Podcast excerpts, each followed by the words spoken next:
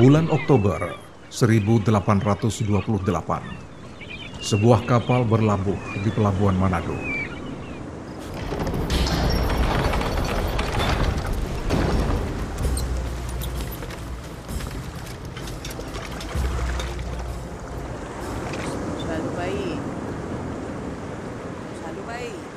Sesaat kemudian puluhan orang turun dari kapal dengan pengawalan yang sangat ketat.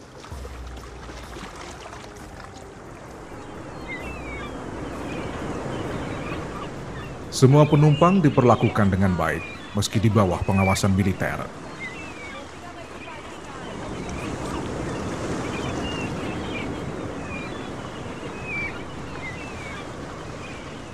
Di antara penumpang kapal itu adalah kepala hakim dan komandan kapal yang kemudian melakukan serah terima tawanan dari pimpinan kapal perang sesuai kesepakatan antara komandan angkatan laut, kepala hakim Batavia, dan komandan fregat De Bellona.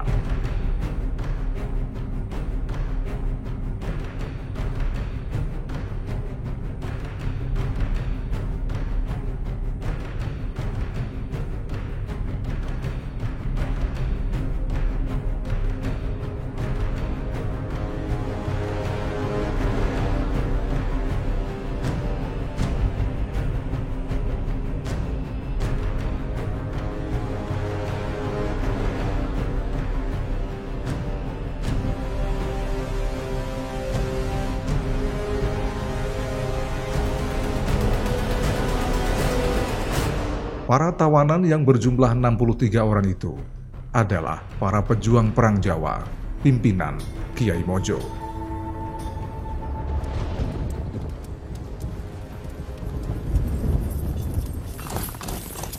Dari Manado, para tawanan itu kemudian melakukan perjalanan panjang menuju tempat yang sudah ditentukan oleh pemerintah Hindia Belanda, yaitu distrik Tonsia Lama.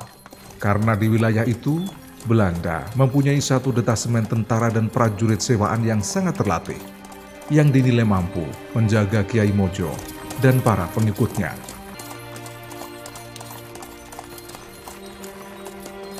Ternyata Kiai Mojo tidak berkenan ditempatkan di Tunsia Lama. Ia lalu mengusulkan agar dipindahkan ke tempat yang lain. Belanda setuju, tapi dengan syarat lokasinya tidak jauh dari Tunsia Lama.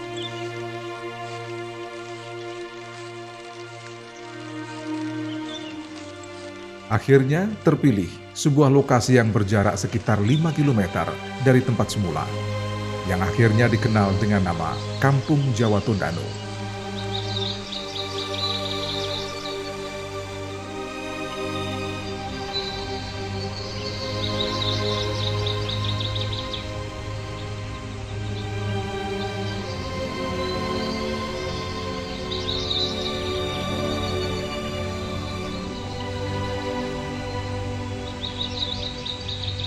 Oktober 1831, Presiden Manado mengunjungi kampung Jawa Tondano. Presiden memberitahu tanah yang ditempati dan mereka gunakan untuk bercocok tanam akan diberikan sebagai pemberian negara kepada Kiai Mojo dan para pengikutnya.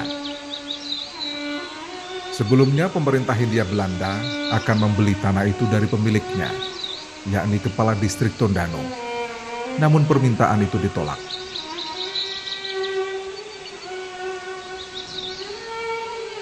Kepala distrik Tondano justru tak mau dibayar dan menyerahkan tanahnya untuk negara demi penempatan Kiai Mojo dan para pengikutnya.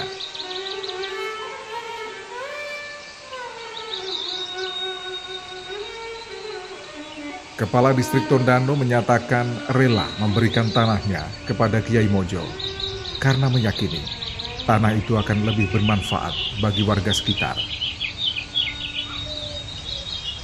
Sikap kepala distrik itu sangat mengejutkan Belanda.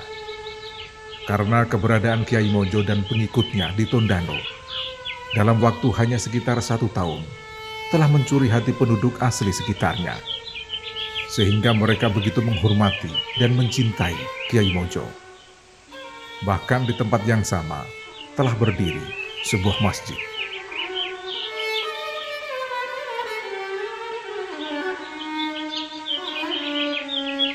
Pada masa selanjutnya, keberadaan Kiai Mojo dan para prajuritnya di Tondano memberi dampak positif pada warga sekitar.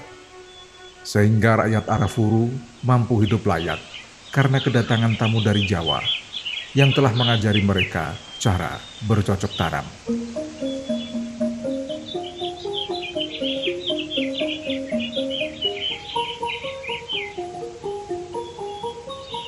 Kiai Mojo lahir sekitar tahun 1792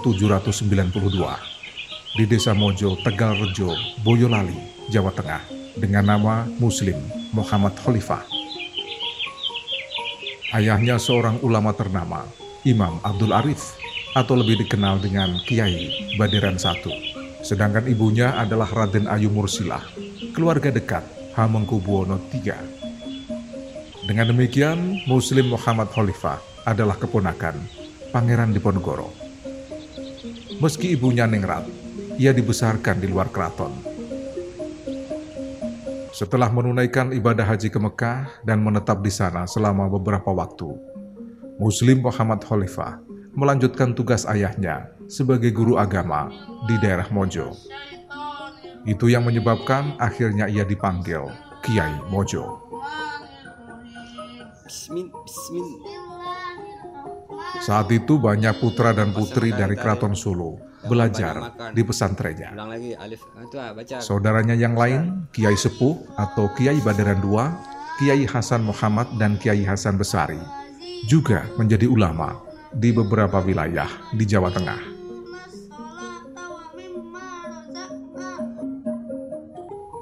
Kemampuan agama dan karena pertalian darah dengan keraton Yogyakarta itulah yang menyebabkan Pangeran Diponegoro memilih Kiai Mojo sebagai penasihat agama sekaligus panglima perangnya.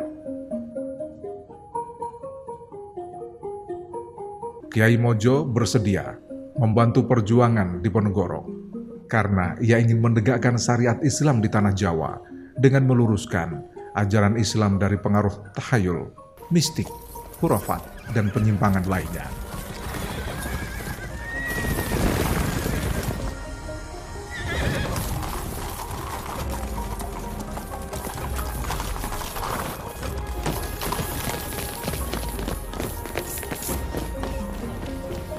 Saat Perang Jawa meletus tahun 1825, Kiai Mojo berumur 33 tahun atau tujuh tahun lebih muda dari Pangeran Diponegoro.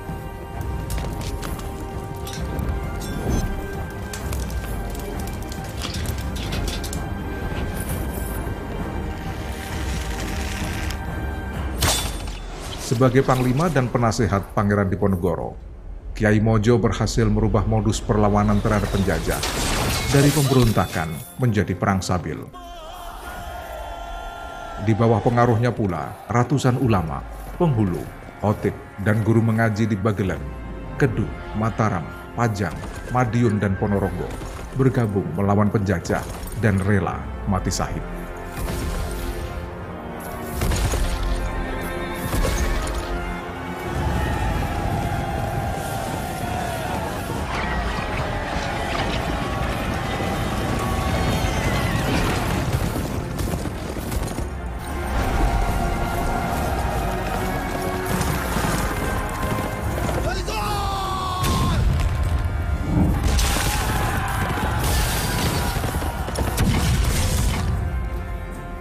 Pertempuran di tahun pertama dan kedua menunjukkan kemenangan besar yang dicapai di pihak pasukan Pangeran Diponegoro.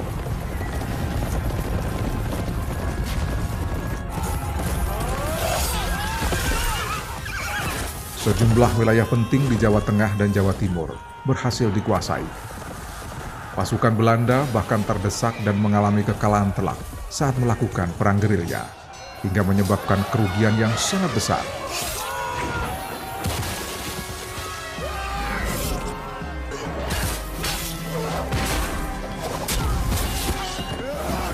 Pada tahun-tahun selanjutnya, perang menunjukkan pasang surut antara menang dan kalah.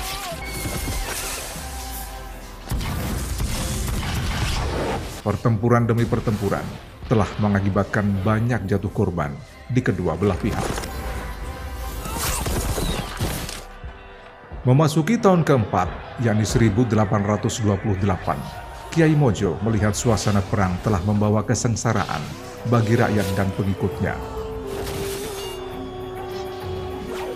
Maka ia mencoba melakukan kontak dengan Belanda untuk berunding dan mengakhiri perang. Yang diutamakan oleh Kiai Mojo adalah jaminan pelaksanaan syariat Islam di Jawa dan kemakmuran rakyat. Baginya tidak penting siapa yang menang dan kalah atau berkuasa di tanah Jawa. Sehingga jika Belanda bisa memberi jaminan keamanan dan kesejahteraan bagi rakyat, ia siap untuk berdamai.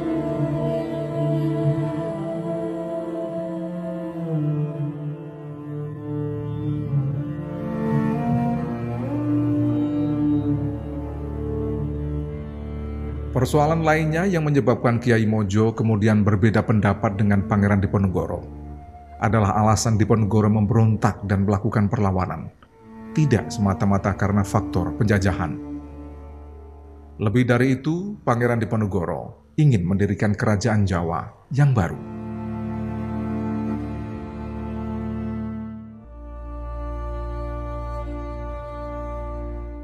Menurut Kiai Mojo, tujuan utama dirinya dan para tokoh muslim mendukung Pangeran Diponegoro adalah karena janjinya untuk merestorasi agama Islam di Jawa.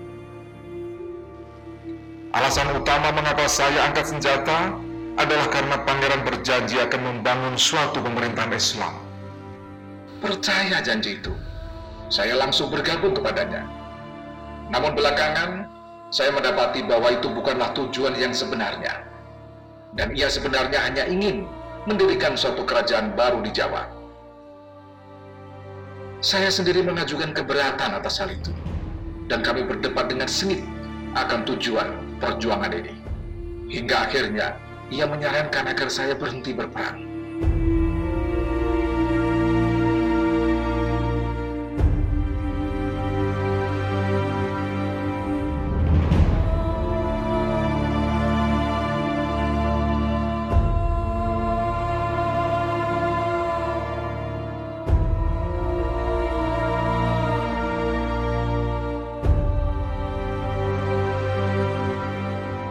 Kiai Mojo berpendapat, kecenderungan Pangeran Diponegoro memposisikan diri sebagai raja baru di Jawa terlihat dalam gaya dan atribut kerajaan yang ditonjolkan dalam memimpin perang.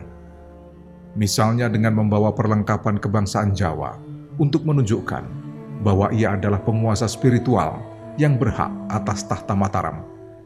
Hal itu disampaikan Peter Carey, seorang antropolog dan penulis buku perang Diponegoro. Jadi ada semacam memoir dari Kiai Mojo yang ditulis di Kampung Jawa di Tondano. Dan dalam naskah Kiai Mojo dia bilang bahwa pada awalnya saya bergabung dengan Diponegoro sebab dia berjanji mau berjuang untuk membangun agama Islam. Tapi pada akhirnya saya sadar bahwa itu bukan tugas Diponegoro sebab dia bentukkan satu keraton dan dalam keraton dia memberi gelar kepada istri Ratu Kadaton, kepada ibu Ratu Ageng dan lain-lain. Jadi lambat laun saya menjadi curiga apalagi dia sangat tergiur dengan terhayul dia koleksikan pusaka dan dia meleburkan tiga pusaka menjadi Kiai Bondo Yudo. Dan sesudah itu saya mulai agak bertentangan dengan, dengan Diponegoro. Tapi kita lihat dari pihak Diponegoro sendiri, waktu dia mau berjuang untuk menaklukkan Belanda, Belanggu, Lengkong, dan Bantulan. Ada satu bulan cemerlang dari penaklukan Belanda. Dan pada akhirnya, Kiai Mojo insist bahwa harus ada semacam serangan kepada Solo. Dan Diponegoro bilang ini tidak pantas. Dan terus menerus Kiai Mojo mau bahwa ini kita membentukkan satu ya satu front baru di Pajang. Dan pada akhirnya Diponegoro menyerah dan pada akhirnya ini menjadi satu malapetaka besar sebab di Gawok dia ditaklukkan. Dan sesudah itu mulai retak antara Kiai Mojo dalam hal siasat perang, dalam hal war aims, dalam hal antara Pajang dan Mataram. Dan sesudah itu Kiai Mojo ambil 500 pasukan Bukio yang paling bagus untuk merunding dengan Belanda di Melangi dan di Melati. Untuk bisa memperoleh satu barisan, satu wewenang, satu negotiated peace supaya dia bisa ada semacam wewenang di Pajang tapi pada akhirnya dijebak di Merapi dan dalam lima menit dia harus ambil keputusan untuk menyerah tanpa syarat.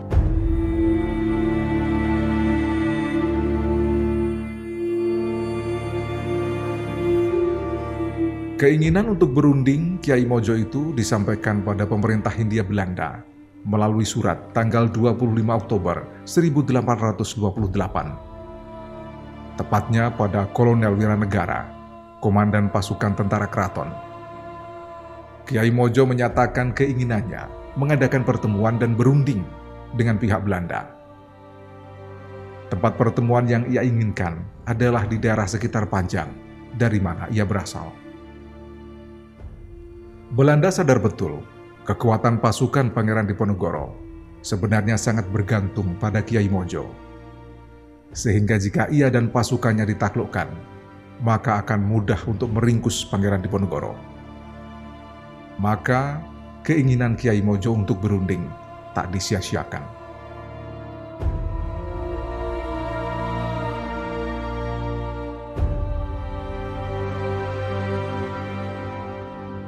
Belanda lalu berpura-pura setuju melakukan perundingan perdamaian sambil menyusun siasat untuk memperdaya dan menangkap Kiai Bojo. Atas kesepakatan bersama, pertemuan itu diadakan di Melangi, Yogyakarta, tanggal 31 Oktober 1828. Pertemuan itu gagal, kemudian direncanakan lagi pada 5 November 1828 namun juga gagal. Atas kegagalan semua rencana itu, Belanda kemudian membujuk Kiai Mojo untuk mengadakan perundingan di Klaten, dan Kiai Mojo setuju. Pertemuan di Klaten direncanakan diadakan pada tanggal 12 November 1828.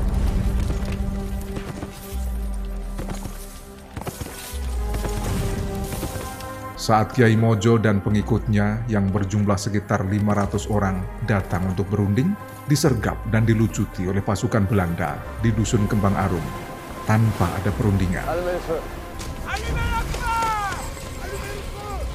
Kiai Mojo ditangkap langsung dibawa ke Salatiga.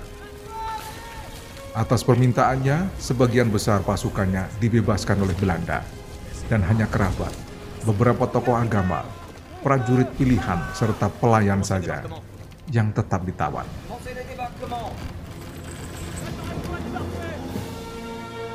Di Salatiga pada tanggal 17 November 1828, Belanda menginterogasi Kiai Mojo dan kerabatnya.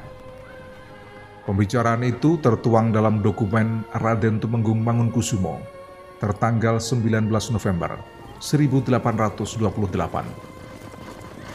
Dalam pembicaraan itu, Kiai Mojo mendapat pertanyaan, apakah ia setuju jika Pulau Jawa dikembalikan kepada Pangeran Diponegoro. Dengan demikian, menghapus kekuasaan dua sultan yang berkuasa di Surakarta dan Yogyakarta. Kiai Mojo tidak menjawab setuju atau tidak.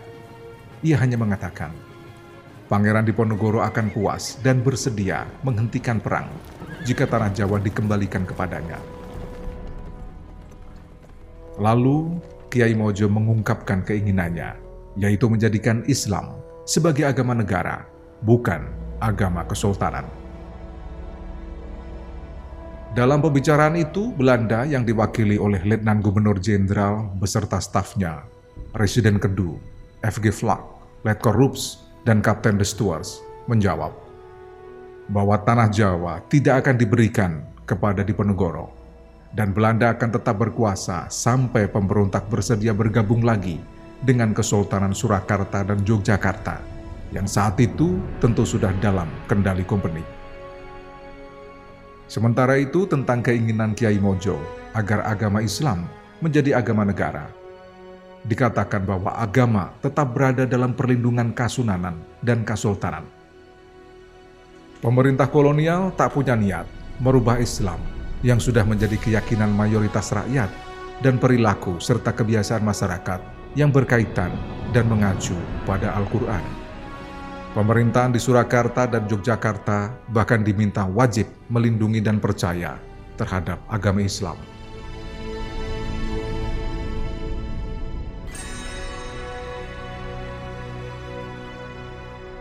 Kiai Mojo sangat kecewa karena Belanda tetap menjadikan Islam dalam memenang kekuasaan Kesultanan dan Kasunanan. Kiai Mojo sedih dan prihatin mengingat tindak tanduk kedua pimpinan itu sudah tidak sesuai syariat Islam. Bahkan kebiasaan dan budaya keraton sudah melenceng jauh dari tatanan.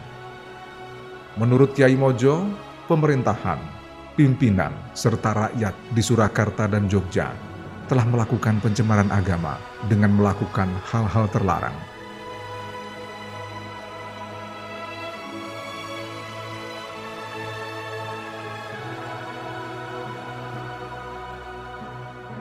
Dalam situasi yang tak menguntungkan, pemerintah kolonial akhirnya memberikan pilihan kepada Kiai Mojo, bergabung dengan Sultan yang berada di bawah kendali Belanda atau ditahan dan diasingkan keluar Jawa.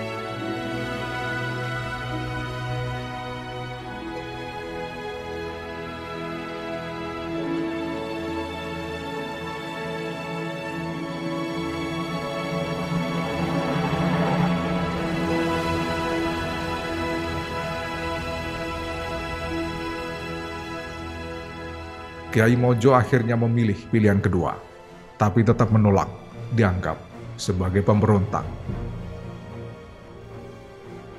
Selama kurang lebih 19 tahun di pembuangan, Kiai Mojo berdakwah dari rumah ke rumah warga sekitar Tondano. Sehingga lambat laun, wilayah itu menjadi kampung Islam. Kiai Mojo dan pengikutnya bahkan ditahbiskan sebagai pelopor pengembangan Islam sesepuh atau founding fathers di kampung yang akhirnya disebut Jawa Tondano atau Jaton. Bulan Desember 1849, Kiai Mojo wafat dan dimakamkan di desa Wulawan, kecamatan Tondano. Makamnya terletak di atas sebuah bukit yang diberi nama Tondata, sekitar satu kilometer dari ibu kota Kabupaten Minahasa.